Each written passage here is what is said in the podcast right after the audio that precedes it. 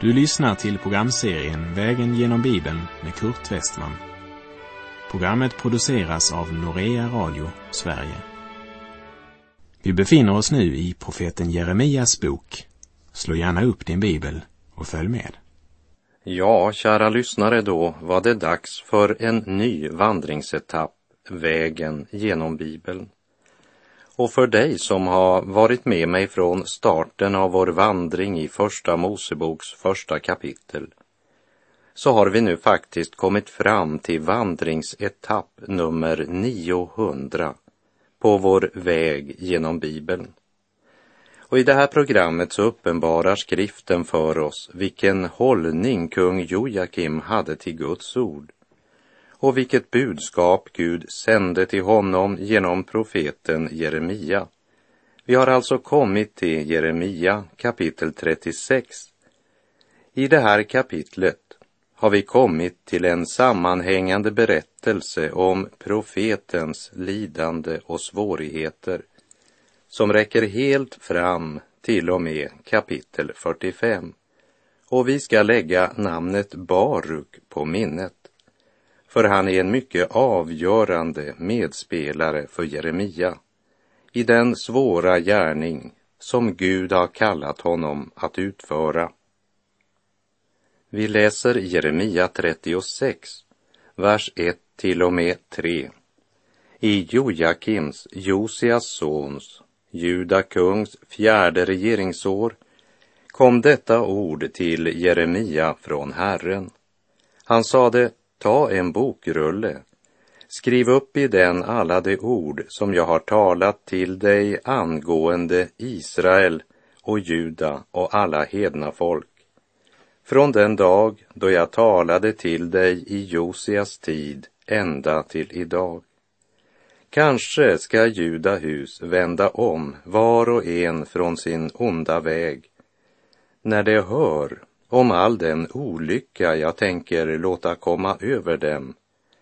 Då ska jag förlåta dem deras missgärning och synd.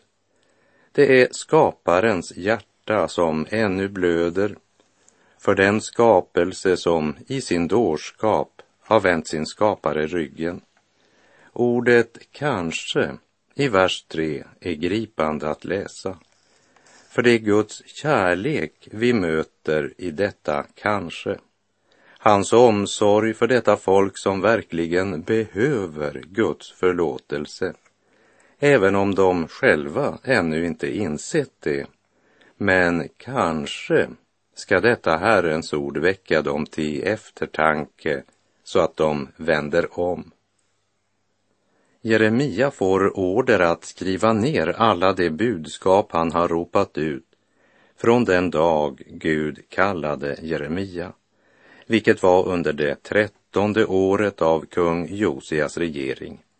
Det vill säga alla budskap Jeremia hade fått skulle skrivas ner och bevaras för kommande släkten och även läsas upp i Herrens hus så snart den första stora festdagen eller högtiden i templet inföll. Själv sitter Jeremia i fångenskap, för under kung Jojakim så förespråkade det parti som hade makten ett närmande till Egypten. Och eftersom Jeremia förkunnade att Egypten inte skulle kunna hjälpa mot Babels kung så blev han förföljd. Han kan därför inte själv läsa upp budskapet eftersom han helt enkelt inte längre hade tillträde till templet. Vi läser Jeremia 36, verserna 4 till och med 6.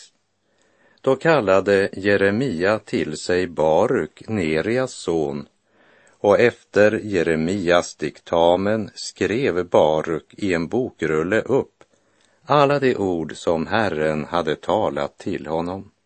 Och Jeremia gav Baruk denna befallning.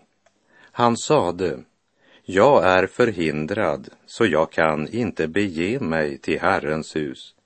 Men gå du dit och läs på fastedagen upp Herrens ord för folket i Herrens hus. från rullen som du skrev efter min dektamen. Också för hela Juda som har kommit från sina städer skall du också läsa upp det.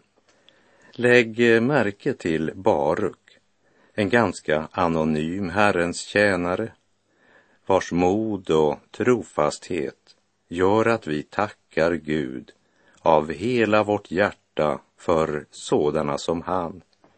Tänk dig in i Baruks situation. Jeremia är hatad och han sitter i fångenskap och hans framtid är mänskligt sett högst oviss. Och allt detta på grund av det budskap han har förkunnat. Och nu ber alltså Jeremia att Baruk ska ropa ut samma budskap offentligt i Herrens hus för prästerna och för allt folket från de olika provinserna som samlas där. Och vi läser Jeremia 36, vers 8. Baruk, Nerias son, gjorde allt som profeten Jeremia hade befallt honom. I Herrens hus läste han ur bokrullen upp Herrens ord. Här låter skriften oss möta en av dessa underbara gestalter som trofast och osjälviskt utför Guds verk. Vi ska ha klart för oss att det är Baruk som skrivit ner detta. Och även om han tillsammans med Jeremia svävar i livsfara så säger han ändå inte mer om sig själv än absolut nödvändigt. Det är märkligt att läsa om det förhållande som rådde i Juda och Jerusalem vid denna tid. Synden och omoralen flödade. Man hade avfallit från Gud, men den religiösa aktiviteten blomstrade och den föregick i Herrens namn. Ja, man till och med utlyste fasta för Herren och skarorna kom till templet. Vi läser Jeremia 36, vers 9 och 10.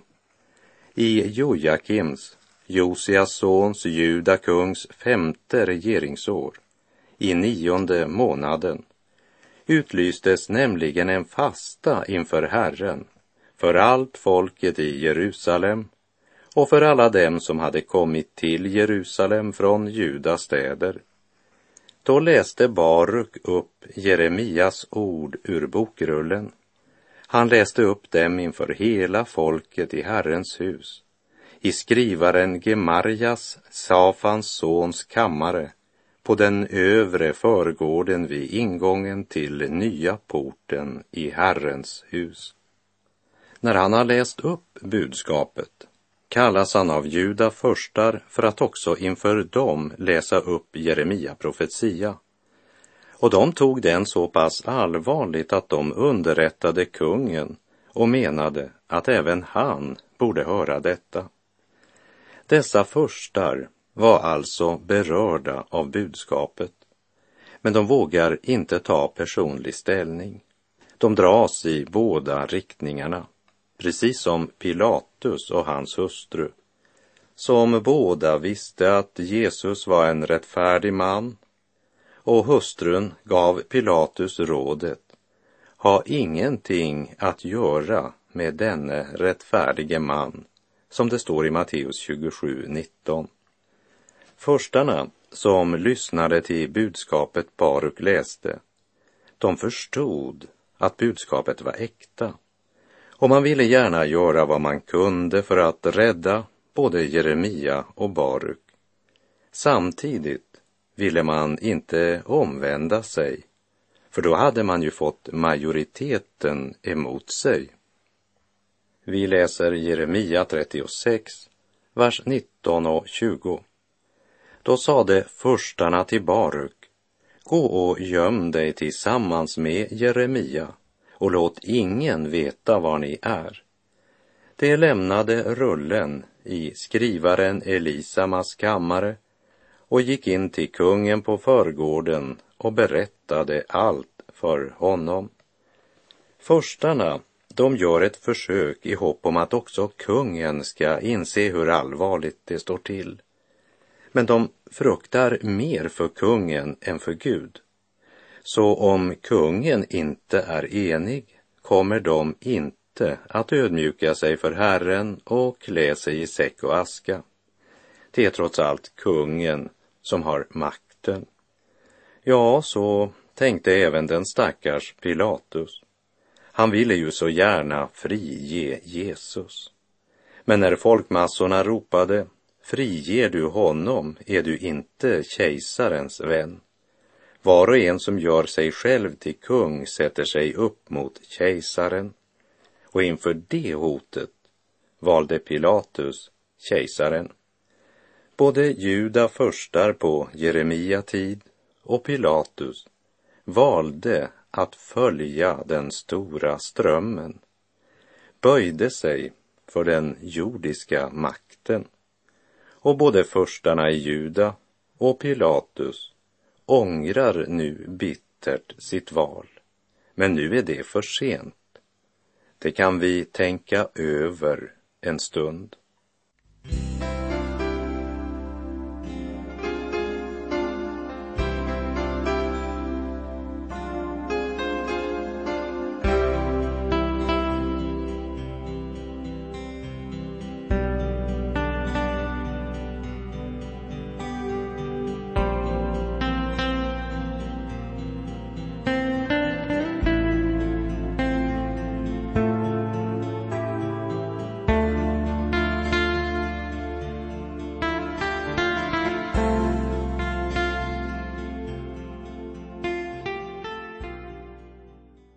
När förstarna kommer till kung Jojakim och återger vad Baruk har läst upp, så sände kungen sin tjänare Jehudi att hämta rullen från skrivaren Elsamas kammare och så börjar Jehudi läsa upp det som står skrivet i bokrullen. Alla förstarna och kungen lyssnar och så läser vi i Jeremia 36, verserna 23 till och med 25. Och så ofta Jehudi hade läst tre eller fyra spalter skar kungen av rullen med pennkniven och kastade stycket på elden i kolpannan ända till dess att hela rullen hade brunnit upp i elden som var i kolpannan. Varken kungen själv eller någon av hans tjänare blev förskräckt eller rev sönder sina kläder när de hörde alla dessa ord. Elnatan, Delaja och Gemarja bad kungen enträget att inte bränna upp rullen, men han lyssnade inte på dem. Detta förakt kung Jojakim visade för Guds ord är en röntgenbild på vår nation idag. Stor religiös aktivitet, men förakt för Guds sanningar. Förstarna Elnatan, Delaja och Gemarja hade lyssnat när Baruk läste upp profetiorna och de försökte påverka kungen. Först till att lyssna och sedan ber de enträget att han inte ska ödelägga skriftrullen. Men sedan gav de upp. De kunde ha sagt om ingen annan tror på budskapet som nu har blivit uppläst, så tror vi på det. Vi klär oss i säck och aska. Vi ödmjukar oss inför Herren och bekänner våra och vårt folks synder. Vi vill vända oss till Gud. Templets präster, kungen och folket i allmänhet hade valt lögnen, synden och följde sina egna bedrägliga hjärtan. Jeremia och Baruk valde att tjäna Herren även under dessa förhållanden. Förstarna försökte stå med ett ben hos Herrens profet och ett ben hos templets präster och kungen och haltade därmed åt båda sidor. Trodde de hade funnit en diplomatisk medelväg. Men som Jesus själv uttrycker det i Matteus 12.30, den som inte är med mig är emot mig och den som inte samlar med mig, han skingrar. Kungen är inte intresserad av ett budskap som stör hans sovande samvete. Är det inte nog att Jeremia blivit satt i fångenskap? Hans budskap når ju ut ändå. Han demonstrerar sin bitterhet genom att för var tredje eller fjärde rad Baruk läste skära av texten från bokrullen och bränna den i en kolpanna som var en av vinterpalatsets värmekällor.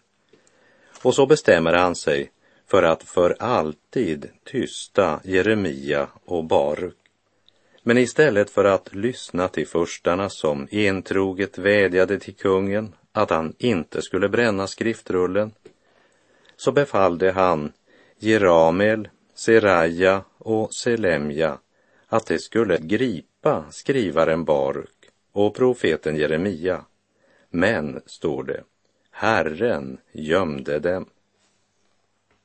I sitt högmod och sitt maktutövande stötte kungen på en motståndare som han inte hade räknat med, nämligen Gud. Visst hade kung Jojakim en oerhörd makt, men då han i sitt storhetsvansinne inbillade sig att han kunde tysta Gud bedrog han sig verkligen. Kung Jojakim skall förgå, men Guds ord skall bestå. Jeremia tog en annan rulle och gav den åt sekreteraren Baruk som på Jeremia-diktamen skrev ner allt som hade stått i den bokrulle som kung Jojakim bränt upp. Och Herren förkunnar om Jojakim att ingen arvinge till honom ska mer sitta på Davids tron. Och Herren proklamerade också att den olycka som han profeterade över Jerusalem och Juda ska komma över juda män och över nationen eftersom de inte velat höra. När kung Jojakim kastade Guds ord i elden var det egentligen sig själv han kastade i elden. Men han var så förblindad av synden att han förstod inte det förrän det var för sent. Och så är det än idag med dem som vänt Gud ryggen och valt att styras av sina egna bedrägliga hjärtan. Man förstår inte att det är en människas sår, det ska hon också skörda.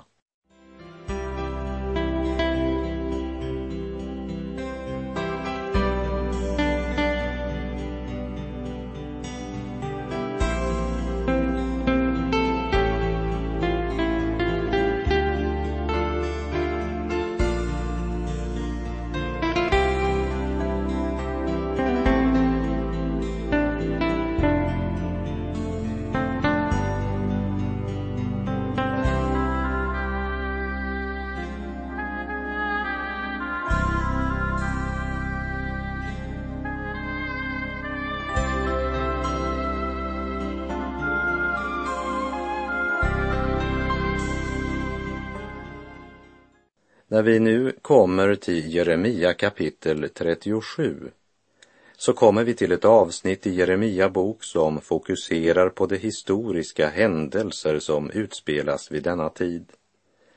Jeremia söker inte revansch för sin förnedring och sitt lidande. Han säger inte ”haha, vad var det jag sa?” Han gråter över sitt folk, som han vet står under Guds dom. Jeremia hade varit verksam i mer än 30 år. Och vi ska här läsa om hur han fängslas, anklagad för landsförräderi. När kungen i Babel har fört bort kung Jojakim i fångenskap så gjorde han Jojakims farbror Matanja till kung i hans ställe och ändrade dennes namn till Sidkia, som vi kan läsa om i Andra Kungabok 24.17. Så när vi nu kommer till Jeremia kapitel 37 så är det denne Sidkia som är kung. Och vi ska lägga märke till hur denne man som har ett sådant förakt för Guds ord samtidigt vill att Jeremia ska be till Gud för honom. Han haltar åt båda sidor. Det är bäst att vara helgarderad. Vi läser Jeremia 37, vers 1 till och med 3. Sidkia, Josias son, blev kung istället för Konja, Jojakims son. Ty Nebukadnessar, kungen i Babel, gjorde honom till kung i Judaland. Men varken han eller hans tjänare eller folket i landet lyssnade till det Herrens ord som han talade genom profeten Jeremia.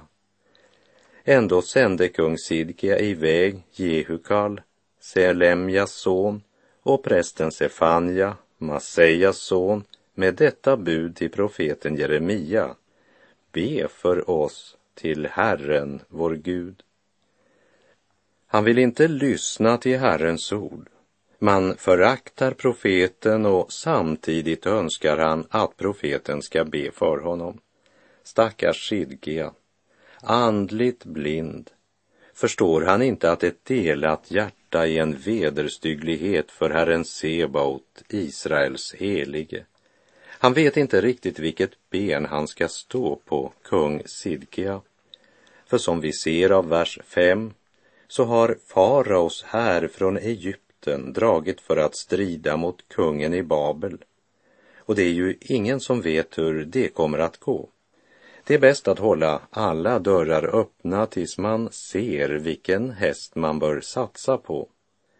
Den som eh, inte tror på Gud och hans ord vet till sist varken ut eller in i nödens stund.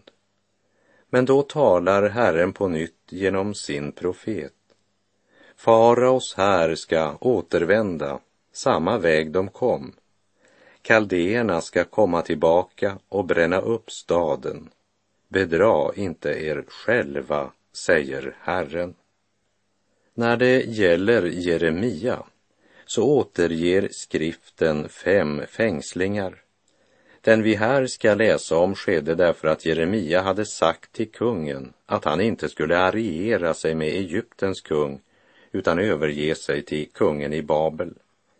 När kaldéernas här dragit sig tillbaka på grund av faraos här som var annalkande tänker Jeremia utnyttja det korta avbrottet i belägringen till att resa hem till sin arvslott och slå sig ner där. För trots de tjocka murarna var Jerusalems undergång nära. Det visste Jeremia om ingen annan visste det. Vi läser Jeremia 37, vers 13. När han kom till Benjaminsporten greps han av vaktens befälhavare Giria, son till Selemja, son till Hananja, som sade, du vill gå över till kaldéerna. När han ser Jeremia lämna stan så tror han att profeten nu tänker gå över till den sida som han tror ska vinna kriget. Uppenbart så måste Giri ha varit en person som själv brukade vända kappan efter vinden. Men han räknade med hjälp från farao, så han valde att förbli i Jerusalem. Hade Jiri tänkt efter lite grann hade han vetat att Jeremia inte var någon förrädare. Hade Jeremia varit ute efter egen vinning så hade han ju bara gjort som alla profeterna i templet, bara sagt sånt som folk ville höra. Men att en människa satte Gud och sanningen först var en nog så okänd tanke för Giria. Det är klart, tänker han, Jeremia är på väg till fienden. Han har ju hela tiden profeterat till deras fördel. Ordspråket säger, på sig själv känner man andra. Men det är bara det att det inte alltid det stämmer. Och Giria, han skjuter hundra procent bom. Vi läser Jeremia 37, vers 16 till och med 19. När Jeremia hade kommit i fängelsehålan ner i fångvalven och varit där en lång tid lät kung Sidkia hämta honom och hemma hos sig frågade kungen honom i hemlighet. Har det kommit något ord från Herren? Jeremia svarade ja. Och han sa vidare, du ska överlämnas i den babyloniske kungens hand Sedan frågade Jeremia kung Sidkia, på vad sätt har jag handlat orätt mot dig, dina tjänare och detta folk, eftersom ni har satt mig i fängelse? Och var finns nu era profeter, som profeterade för er, kungen i Babel ska inte anfalla er och detta land? Ja, nu kunde Jeremia fråga alla dessa frimodiga, högröstade och tvärsäkra profeter som tjänade så bra på att försäkra folket att Herren sa att han skulle bryta Babels makt efter två år. Har de skiftat budskap? Är inte de profeterna här längre? Jeremia förstår att efter det som hänt har kung Sidkia i alla fall en viss respekt för Jeremia. Han kan i alla fall inte anklaga honom för att vara publikfriare eller falsk tröstare. Och nu kommer Jeremia med en bön till kung Sidkia, vers 20 och 21. Så hör mig nu, min herre konung, lyssna till min bön och sänd mig inte tillbaka till skrivaren Jonatans hus, för då kommer jag att dö där. Då befallde kung Sidkias att man skulle hålla Jeremia i förvar på vaktgården och man gav honom en kaka bröd om dagen från bagargatan till dess att det var slut på allt brödet i staden och Jeremia blev kvar i vaktgården. Och Jeremia kommer att förbli i fångenskap helt till Babels armé har intagit Jerusalem. Har du tänkt på hur nära kung Sidkia hade Guds ord, men han aktade inte på det och det blev han och nationens undergång. Och det är den fruktansvärda sanningen om många människor. De hade alltid så nära till Guds ord. Ändå var det långt ifrån dem därför att de förkastade det. Det fanns en kyrka eller församlingssal i deras närhet. De hade kanske kristna grannar eller arbetskamrater. Kanske en kristen i sin släkt. Kanske en bibel i bokhyllan. Men de föraktade Guds ord. Och när de minst av allt hade väntat så dog de plötsligt. Och deras själ gick rakt in i den eviga natten nattens mörker. Då insåg de, men då var det för sent, evigt för sent. Till himlen det ej tvingas, det blott i klockan ringes. Kära själ som lyssnar, hör Herrens ord. Böj dig för Herren din Gud, bekänn din synd, vänd om idag. Bered dig att möta din Gud. Allt som tidigare har skrivits är skrivet till vår undervisning för att vi genom den uthållighet och tröst som skrifterna ger skall bevara vårt hopp. Herren vare med dig. Må hans välsignelse vila över dig. Gud är god.